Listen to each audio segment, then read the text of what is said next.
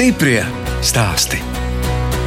Kas mums Latvijā ir? Mežs, jūra, purvs. Latvija eksportē vairāk kā uz simts valstīm kūdru. Ļoti daudz. Apmēram jau pagājušajā gadā laikam virs miljona kubikmetru aizgāja gada laikā. Nu, ieta tirgus absolūti nav problēma. Labākais bizness pasaulē. Parasti pārdevējs skraida pakaļ pircējiem, lūdzu, nopērts. Šeit ir otrādi. Pircējs skraida pakaļ pārdevējiem, pārdod man. Es tev maksāšu par eiro vairāk, tikai man pārdot tos klučus. Tā par savu biznesu kūdras ieguvi stāsta Raimons Strūps no Ogres novada. Es, žurnāliste Dāna Zalamane, šoreiz tiekos ar cilvēku, kam bijis ļoti neparasts dzīves ceļš. Raimons bija katoļu priesteris un 11 gadus dzīvoja Itālijā, bet atgriežoties Latvijā, mainīja savu dzīves ceļu, nodibināja ģimeni un jau 8 gadus saimnieko 12 hektārus lielajā grēperu purvā. Raimons dzimis Madonas pusē Varakļānos, kur viņu māsu un brāļus izaudzināja vecmāmiņa. Maza, maza, maza mājiņa, kura bija kādreiz blakus lielākai mājai, tā lielākā bija kungu māja tā maziņā, kurā mēs dzīvojām, tā bija viņiem veļas mazgātava. Kopējā platība laikam bija 11 km virtuve un 13 km istaba. Vecāku vairāk man nebija nekā viņu bija, tā kā izaudzināja, jāsaka, mūsu vecmama. Pieci mazbērni, kurus viņa audzināja, un kaut uz divāna gulējām, divi uz vienu galu, divi uz otru galu. un spārdījāmies. Esam četri brāļi un māsa. Trūkums arī ir bijis, kā vecmāma mums strādāja par sētnieci. Sākumā pelnīja 60 rubļus, pēc tam 70 rubļus, nu ņēma kaut kādas haltūras, ravēja, malku zāģēja, skaldīja. Tāpēc varbūt arī tagad tā tieksme pēc kaut kā arī materiālā plāksnē tiekties, sasniegt, nodrošināt sevi, savu ģimeni lai vecumdienās nebūtu atkarīgs no pensijas vien. Raimond, un ko tad jūs mācījāties? Līdz 8. bija Cesonas internāta skola. Biju vismazākais klasē, augumā visvājākais, vissīkākais, nu arī ar visām no tā izrietošajām sekām. Internāta skola tas nav tālu no kolonijas, jāsaka. Tur nu, no nelabvēlīgām ģimenēm, kur vecāku trūks, kur dzer un tam līdzīgi. Tā kā, nu, paciest vajadzēja diezgan daudz ko. Tāpēc pat pieaudzis, kad kļuvu, aizgāju pat karatē mācīties. Pēc tam Varakļānu vidusskola. Tur gāja pagrūti, jāsaka, kad sākās visas ķīmijas, fizikas, ģeometrija. Arī mācīties vairs negribējās nemaz kā pusaudzim. Desmitajā klasē no 12 priekšmetiem, 10 priekšmetos es biju nesakmīgs. Man bija vasaras darbi visu laiku, Un e, beigās sanāca tā, ka skolu es pabeidzu nu, jau kā vakar skolu. Kāpēc jūs negaidāt kādu profesiju mācīties? Pirmkārt, jau nebija sajēgas nekādas. Te domāju par mežsargu mācīties.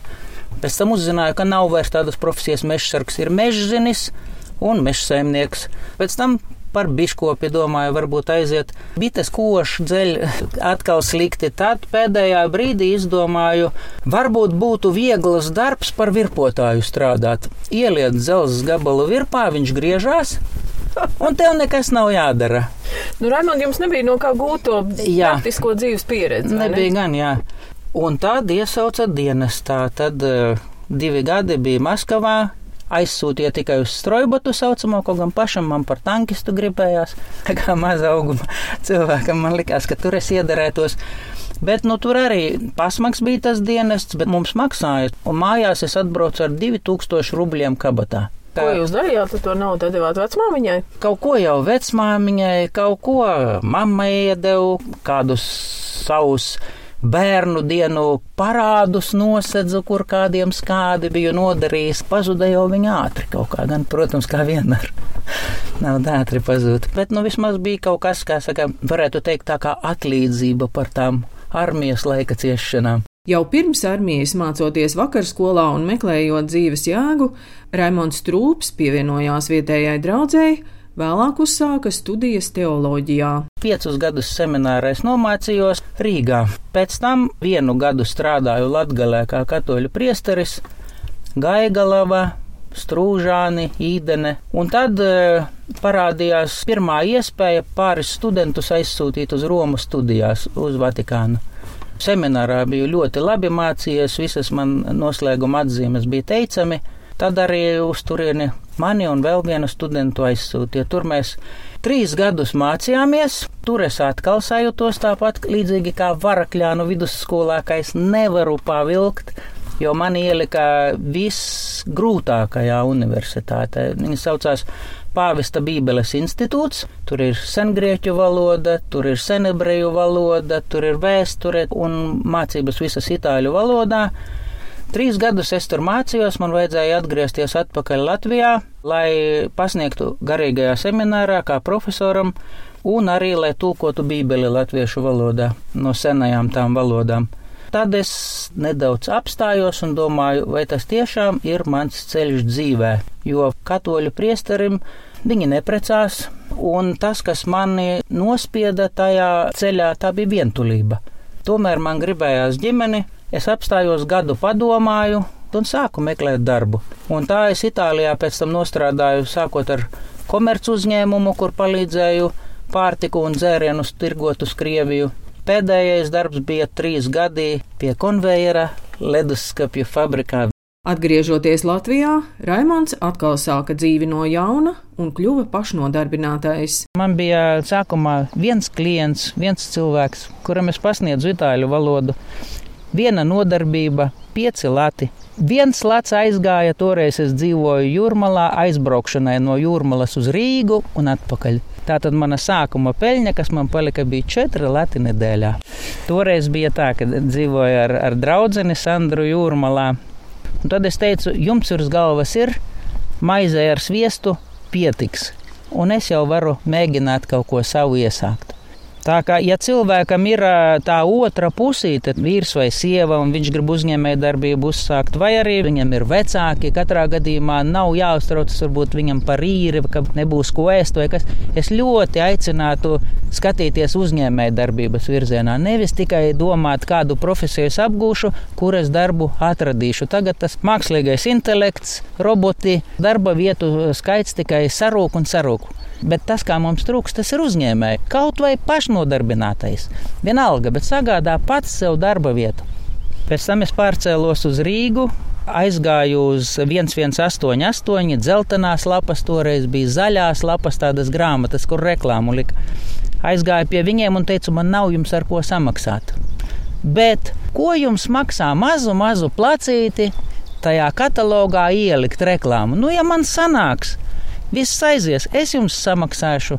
Nu, ja nesanāks, ko jūs būsiet zaudējuši? Mazu, mazu kvadrātiņu katalogā.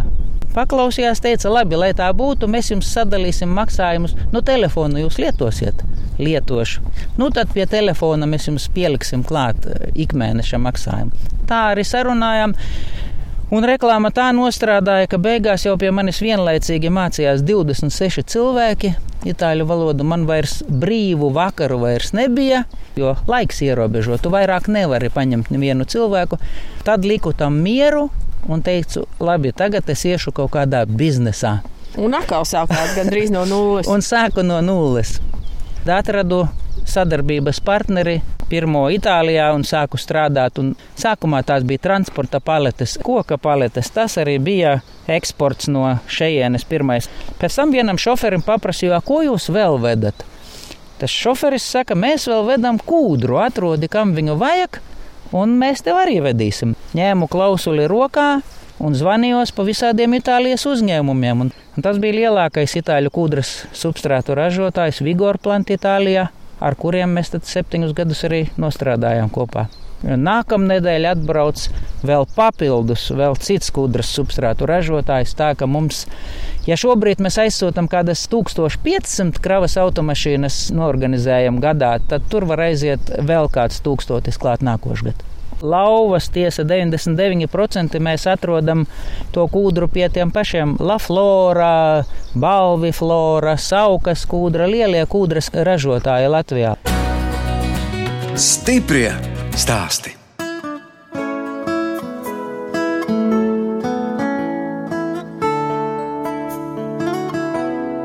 Skan redzējums stipri stāsti. Šoreiz ciemojos pie uzņēmuma Eldora valdes locekļa Raimonda Trūpa, Ogres novada Lēdmanes pagastā.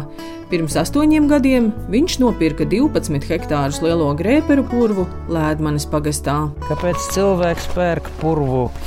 Man bija sadarbība ar Itāļu lielāko kūdras substrātu ražotāju Vigor Plant Itālijā septiņus gadus un es viņiem palīdzēju no Latvijas sagādāt kūdru. Transportu organizēju, sameklēju, kur to kūdru ņemt.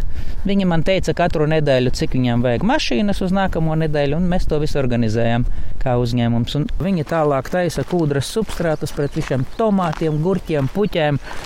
Un dažus gadus ar viņiem kopā pastrādājis, pa Latvijas kūdras purviem pabraukājis. Tad man ienāca prātā doma, kāpēc lai nē es pats Varbūt ir laiks pašam mēģināt. Sāku meklēt kūdras purvu, es domāju, ka kaut kur noteikti ir cilvēks vai pašvaldība, kam ir kūdras purs un kuri nezina, ko ar to darīt. Tikai maksā nodokļus un atradu, ka Lielvārdas pašvaldībai tepat pie Lēdmanes ir purvs un uz izpirkuma arī viņu dabūju uz četriem gadiem. Tas jau sen jau ir izmaksāts. Tāpat kā ar banku sen jau esam norēķinājušies. Parāds nav brālis, vai ne? Ne jau velti mums ir tāds teiciens. Jā, no otras puses, paldies Dievam, kā es saku, ka ir tās iespējas tos parādus paņemt. Ir tāds autors Roberts Kijosaki, kas ir uzrakstījis grāmatu Bagātais tētis, nabagais tētis. Oi, tas taču bija bagājis bestsellers visā pasaulē, man liekas, joprojām. Jā, nu redz, man tā grāmata mājās ir reizes septiņas varbūt pārlasīta, visa pasvītrota. Un tur par parādiem arī iet runa par labajiem parādiem un sliktajiem parādiem. Labs parāds, ja tu viņu aizņemies un ar viņa palīdzību tu arī nopelni. Kā piemēram, nopērts, teiksim, dzīvokli, izīrē, īrnieks maksā un izmaksā tavu kredītu. Tāpat arī purvam, teiksim, aizņēmos, nopirku purvu, ekskavatoru, un tas parāds pats sevi atpelna un pēc tam nespēļņu. Teicāt, Purvs tikai 12 hektāri. Tas skaitās mazs priekš Latvijas. Tas skaitās ļoti mazs. Mums ir 15 hektāri kopējā platība un 12 hektāri ir tā derīgā platība, kurā drīkst iegūt. Jo jāizslēdz visi grāvji, ceļi. Lai varētu kūdru iegūt, tad viņu vajag nosusināt purvu. Tāpēc apkārt ir lielie grāvji, pionieri saucamie. Galvenie tādi pa vidu ir mazie grāvji, karta grāvji saucās, un ūdens no mazajiem grāvīšiem tek uz lielajiem. Tā tas purvs arī tiek nosusināts. Purva malā uz koka paletēm stāv un kaltējas sagriezti kūdras kluči. Viņi ir viegli, kad viņi ir izžūši, viņi skan, kad pa viņu uzsit. Viņš ir tā kā praulam līdzīgs. Kāda saknīte ir, kā saka, tas purva grīslis, sfagnu sūna. Te ir tie kūdras bloki saucamie. Jā, izgriež ar ekskavatoru, ar speciālu griezēju galvu, pēc tam cilvēki ceļ uz paletēm virsū, kad pāris nedēļas ir apžūši. Pēc tam vēl ir vajadzīga pārkraušana atkal pēc pāris nedēļām, lai vēl labāk žūst. Apakšējie kluči nonāk augšā, augšēji apakšā, un tad viņi vējš cauri staigā un viņi izžūst. Šos klučus aizved uz, eh, kur kūdras substrātus taisa rūpnīcā, viņi viņus sasmalcina, tad sadala pa frakcijām. Vissmalkākās, teiksim, no 0 līdz 5 apmēram milimetri tā var iet uz sēkliņu sēšanu. Tālāk jau rupjākā ir uz pārstādīšanu. Kad nu, jau lielāki stādi. Jā, un, un kad pieliek daž, dažādus minerāļus klāt, kalcijas tur viss, kas tur iet. Un tad ir zemenēm, piemēram, vai palmām, tur vajag tādu no 2 līdz 4 centimetri jau tādus gabalus. Tie substrātu ražotāji tad taisa pa kādām simts receptēm dažādām. Gurķim būs savs, zemenei būs savs substrāts, tropiskajam augam būs atkal pavisam kas cits taisāmies pāriet uz citu kūdras ieguves veidu. Rītdien mēs atvedīsim kūdras savācēju bunkuru. Un gabalkūdras vietā, kuru mēs jau esam izgriezuši lielā mērā, mēs sāksim iegūt frēskūdru. Frēskūdra ir frēze, kuru vilk traktors pāris centimetru dziļumā virsējo kārtiņu safrēzē, tā tiek izžāvēta un pēc tam vesta lauka malā. Pāris centimetru tikai dziļumā ņemt, tāpēc tāda smalka kūdra tur sanāk.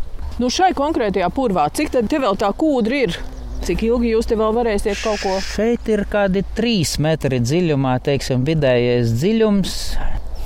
Gadiem desmit es domāju, ka te vēl frēzēšanai vēl pietiks. Šobrīd no tās nedaudz, kā saka, tur raktā kūdra tāda ir, tā aiziet meleņu audzētājiem, bet doma ir varbūt stādīt melenes. Tikai tas, ka pats nekad baigais lauksaimnieks neesmu bijis, un tāpēc man no tā visa ir riktīgi bail. Ir jāatrod cilvēks, kas e, uzņemtos to lauku, meleņu pieskatīt ar zināšanām, atbildīgs, jo tā kūdras ieguve jau ir apgūta droša lieta jau zināma. Līst nezināmā teritorijā ikvienam mums no sākuma ir bailīgāk. Kudras ieguvēji sākumā ir ļoti lieli ieguldījumi. Daudz kas ir jāsagādā. Ekskavators, traktors, piekabē. Sākot jau ar papīriem, kuri ir vēl pirms tam, kas arī visi projekti, pētīšanas. Tā ka tas ir ļoti darbietilpīgs, lielus līdzekļus vajag sākumā salikt. Tāpēc bija banka, protams, Svetbanka.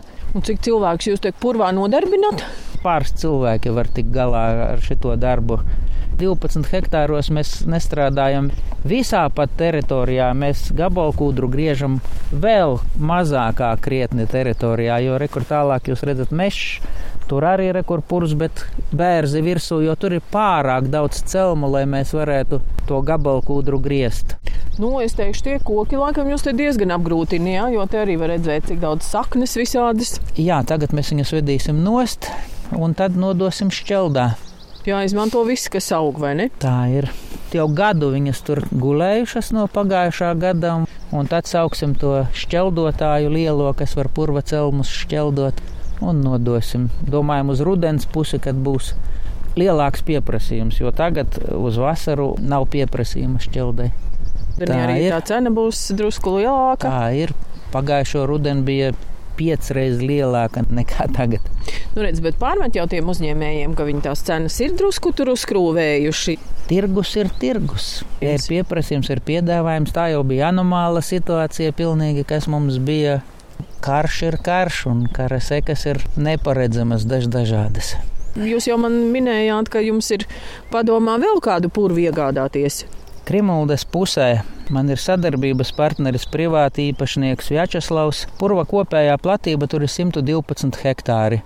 Padomju laikā ir izrakuši grāvjus jau tādus apkārt 76 hektāriem, un tagad tajos 76 hektāros mēs cenšamies dabūt zaļo gaismu no valsts vides dienesta, no dabas pārvaldes, lai tur varētu to kūdru iegūt. Tur jau būtu daudz darba vietu. Kādreiz rēķināju, nu, kādi 700 kubikmetri no hektāra. Nu, tad padomā, cik ir cilvēku pūks milzīgs ir vajadzīgs, lai to darbu izdarītu. Joprojām ir liels roku darbs. Roku darbs vēl ir liels, jā, saku, tādā mazā kriksītī kā mums šitien ir savādāk. Bet uz tik daudziem hektāriem tur es nezinu. Es neteikšu, ka simts cilvēkus, bet nu 50 es domāju, tur vajag, kas strādātu vasaras sezonā. Latvijā vispār ir tā, ka 10% no Latvijas teritorijas aizņem kūdras purvi. Un e, pavisam no tiem kūdras purviem iegūta kūdra tiek tikai 4% no kopējā kūdras purvu daudzuma. Tāpēc tas iespējas uz dabu īstenībā ir ļoti, ļoti mazs, ko kūdras ieguve dara, bet ekonomiskais iegūms valstī ir ļoti, ļoti liels. Jo nodokļos vien, ja nemaldos, kādus 60 miljonus samaksā gadā kūdras ieguvēji tikai nodokļos valstī. Nu, ko jūs sakāt? Tagad visas tās runas Eiropas Savienībā, ka to kūdras ražošanu ierobežos. Nu, jautājums, kamā tad sēsim, kamā stādīsim, jo melnzeme no pļavas pagrābta tādai lietai neder. Un, teiksim, tie paši Latvijas valsts meži miljoniem stādiņu audzē koku tajā pašā kūdras substrātā katru gadu. Tā kā alternatīva ir meklēta un tiek meklēta, bet labāka par kūdru priekš substrātiem, priekš augu audzēšanas pagaidām nekā nav. Es ceru, ka kūdra tiks atzīta par eh, resursu, kas atjaunojas. Tā kā tas arī ir, jo lēnām, bet purvs atkal atjaunojas, kad viņu pēc ieguves atstāja applūdina, teiksim, viņš nav neatjaunojamais resurss, pie kā viņš tagad ir ticis pieskaitīts. Stiprie stāsti.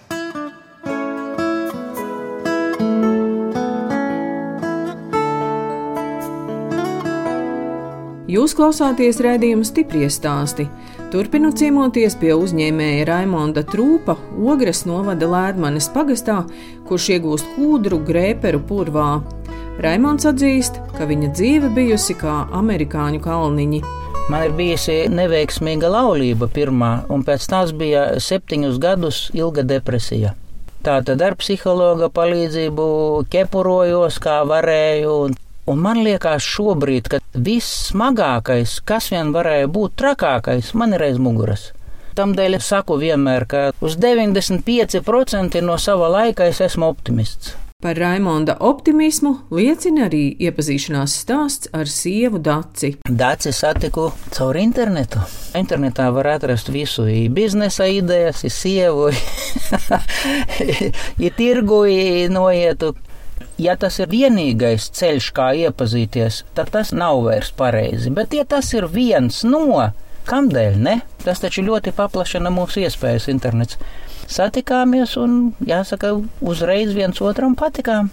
Tagad jūnijā būs 17 gadi, kā precējušies. Un ko sieva Daci dara? Sieva strādā mūsu uzņēmumā kopējā, pa māju ņemās šajā pašā kūdrā mellenes audzēt. 60 kādi tādi esam sastādījuši, visu ziemu varam mellenes ēst. Māja ir sava, jā, sievas vecāki 1970. gadā uzbūvēja pie Daugavas, pretējā pusē Lindas parks. Pirmā pasaules kara laikā Lindas parkā bija vācieši stāvēja, un šai pusē bija Krievu armija. Un viņi ar lielgabaliem bija pāri Daugavai, viens pa otru šāvuši un šāvuši.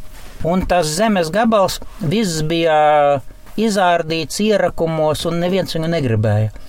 Un tie sievas vecāki tad bija paņēmuši, visu izlīdzinājuši, milzu darbu ieguldījuši. Tagad tur ir kā paradīzē. Dēls Ernests ir līdzīgs jums vai Dācijai? Līdzīgs man tajā, ka brilles nesā. Augumā ir krietni abus divus mūsu pāraudzes. Paldies Dievam, ir ļoti drošs puisis, ļoti, kā saka, tāds apņēmīgs. Un motocikli tagad patīk, mopēdi, kvadrcikli un jau pat ir noķerts kādreiz Kaut kur jau ar mašīnu gonkojot, arī jau paņem atslēgu no plauktiņa lejā un naktī žvīgs projām. Un tad tikai zvana no ogres tēti, atbrauksi pakaļ, mani apturēja. 140 eiro soda nauda un ieraksts kāds tur viņam administratīvais, nu jauns un traks. Tie āboli jau no tām ābelēm tālu nekrīt, jā? Nekrīt, nekrīt, jā. Parasti jau tās mammas vairāk tiem bērniem tās pasakas stāsta un lasa, bet par godu dēlam jūs pat esat grāmatu uzrakstījis Pirāts Džons un Karaļa karavīri. Jā, kad maziņš viņš bija, kaut kādu laiku lasīju pasakas, pēc tam vienu vakaru pastāstīju par pirātu Džonu safantezē, par labo pirātu Džonu, kuru karalis vajā, bet viņš vienmēr tiek sveikā cauri. Un tad beigās puika teica, kāpēc tu to visu nepieraksti? Un tad, e, iedams medībās, ņēmu kladi līdzi medību tornī, pildspalva līdzi, kamēr gaidu medījumu, ņēmu un kādu no tiem stāstiem pastāstītajiem pierakstīju. Beigās atradu ļoti labu mākslinieci Rīgā Baibu Līmani, kurā visas ilustrācijas e, uzzīmēja. Katrā atvērumā ir krāsaina ilustrācija, tā ka tur kādas 36 laikam ir ilustrācijas ļoti skaistas, un pēc tam grāmata tika arī pārtulkota vairākās valodās, ieskaitot neredzīgajiem braila rakstā. Neredzīgie, vairedzīgie vai citādi, teiksim, bērni, kas guļ un nevar paša lasīt, lai viņi varētu vai nu ar pirkstiņiem pa rindiņām skrienot, lasīt, vai arī klausīties audio ierakstīto grāmatu. Vēl esmu diezgan daudz padalījies savās itāļu valodas zināšanās, gan kā mazā latviešu itāļu kabatas vārdnīca, gan ir sarunvārdnīcas, gan redigējis esmu, piemēram, izdevniecība avots ir liela vārnīca, tur kā redaktors biju, kā zinātniskais konsultants, vārdu sakot, to bagāžu, ar ko no Itālijas atbraucu, ar to centos arī dalīties. Pieminējāties, ka esat mednieks par to samu. Arī jūs man stāstījāt, ka cerat to samu kādreiz izvilkt no tās Daugavas. Tā ir atpūta, tas ir būšana dabā. Kādreiz, teiksim, rekords bija ar brāli astoņās stundās ar spinningiem. Mēs noķērām padomju laikos vēl 27 kg līdaku. Mugursomas bija pilnas, tad atradām drātis kaut kādas, savērām uz drātiem, nesām mājās, un visi teica, kur jūs dabūjāt? Ar spinningiem noķērām. Melojat, jūs noteikti ar tīkliem ķērāt. Nu, nē, Rezeknes upē bija ļoti daudz līdaku kādreiz pirms kā viņu izbagarēja, kā saka, pārtīrīja rūpnieciskai zvejai, tur sagatavoja pie Lubānas ezera. Tas zvērs, kas izaudzis dabā, viņam ir visas iespējas to mednieku sajust, aizbēgt, sadzirdēt, un tur tā, kurš kuru. Bet dzīvnieks, kas ir fermā izaudzēts, ruksis vai tā gotiņa, tur nav nekādu iespēju izglābties. Bet arī tāpēc, vēl, ka agrāk es cietu no alerģijām. Man tecēja asaras, es šķaudoju, es poņķojos. Tad es ievēroju, ka tas man pēc veikala cūgaļas pirmā kārtā. Meža gaļā tās visas ķīmijas, visu antibiotiku, viss kaut kā nebūtu. Un kopš es tagad domāju, ko es ēdu, man vairs alerģiju nav. Ar ģimeni kopā mums patīk paceļot, it īpaši patīk aizbraukt uz kādu mūžu. Tagad Latvijā ir atjaunotas mūžas pilis, jāsaka tā, lēts tas prieks nav. Ēdam, nakšņojam, neba mēs katru svētdienu, protams, braucam, bet aizbraucot uz turieni, tajā vidē, tajās lielajās telpās, greznajās, pie tā galda, tā it kā ir iztērēta nauda, bet tas ir arī milzīgs iegūms. Tu brauc mājās jau ar eh, augstāku pašapziņu, drosmīgāks, ar cēlākiem, lielākiem vēl mērķiem, gatavs viņus sasniegt. Reizi vien es esmu teicis, ka Gribētos kādu mūžu nopirkt, un pat bija viens laiks līdz tam, ka teicu, cik lielu, nu tādu kā rundāles mūža. Bet pēc tam mēs aizbraucām ekskursijā uz Rundāles mūžu. Un kamēr mēs aizgājām no viena gala līdz otram, es teicu, nē, negribu es Rundāles mūžu. Milzīgā platība, milzīgais daudzums istabu, bet māju, kurā, teiksim, šobrīd dzīvojam, man gan ir vēlme kādreiz pārvērst par nelielu mūžiņu tiešām salikt tur ozolkoka durvis, oša grīdas un no ārpuses visu to stilu tādu uztaisīt tā, lai viņa būtu kā maza muižiņa tā jau saka, no viena grāvja otrā. Izaudzis koka guļbūvē. Maziņā, maziņā. Tā nu tas ir, ka cilvēkam gribās iet otrā galējībā. Krieviski saka, izgrieziet kņazi. Gribās no tās mazās, mazās būdiņas, tagad vajag mūžu. Raimonds, kā ar ticības lietām? Ar ticības lietām viss, paldies Dievam, labi. Es Ledmanes baznīciņā, tepat netālu, kur uh, kūdras purvs, te ir koka baznīciņa pirms 15 gadiem celta. Tālis salajā viņa uzbūvēja dziedu korī, ļoti labprāt. Gandrīz katru svētdienu esmu, ja neaizbraucu uz kādu mūžu. ļoti patīk, tāpēc, ka te ir vienkārši lauku cilvēki Un baznīca ir guļbūve, varbūt tas kaut kur sasaucās arī ar bērnības atmiņām. Tā vide, tāda maza baznīciņa guļbūve, šejieni daudzi brauc arī kristīt bērnus, laulāties tieši tāpēc, ka patīk šajā baznīciņā. Sapnis laikam jau viņš tomēr ir apceļot apkārt zemeslodei teiksim, kaut ar lidmašīnu no vienas valsts uz otru, paliec tajā valstī, cik tu gribi. Gribi mēnesi, gribi pusgadu, tad lido uz nākamo valsti. Tā pasaule ir tik dažāda, ka aizbraukt uz citu valsti tas ir tikpat kā uz citu planētu teiksim, bijām Eģiptē, tagad pavasarī gulējām tuksnesī, tur izskatījās tā kā uz Marsa vai uz mēnesi. Un ir jau vēl daudz vēl krāšņākas tās zemes nekā Eģipte. Tā kā vēl gribās paceļot un paskatīties. Cik jums ir bijusi interesanta dzīve, vai ne? Jā, domāju, ka jā. Kādreiz, kad vajadzēs salikt rociņas, tad es tā varēšu teikt. Dzīve ir bijusi interesanta, izdevusies.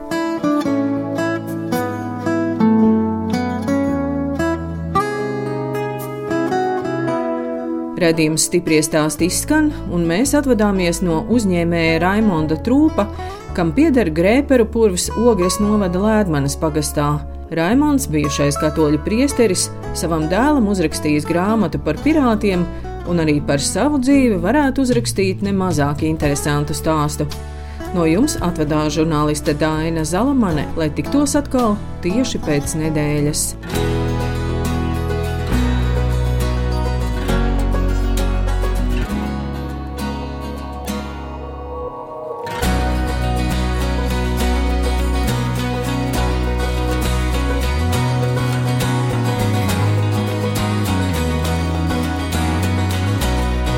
Stiprie stāsti.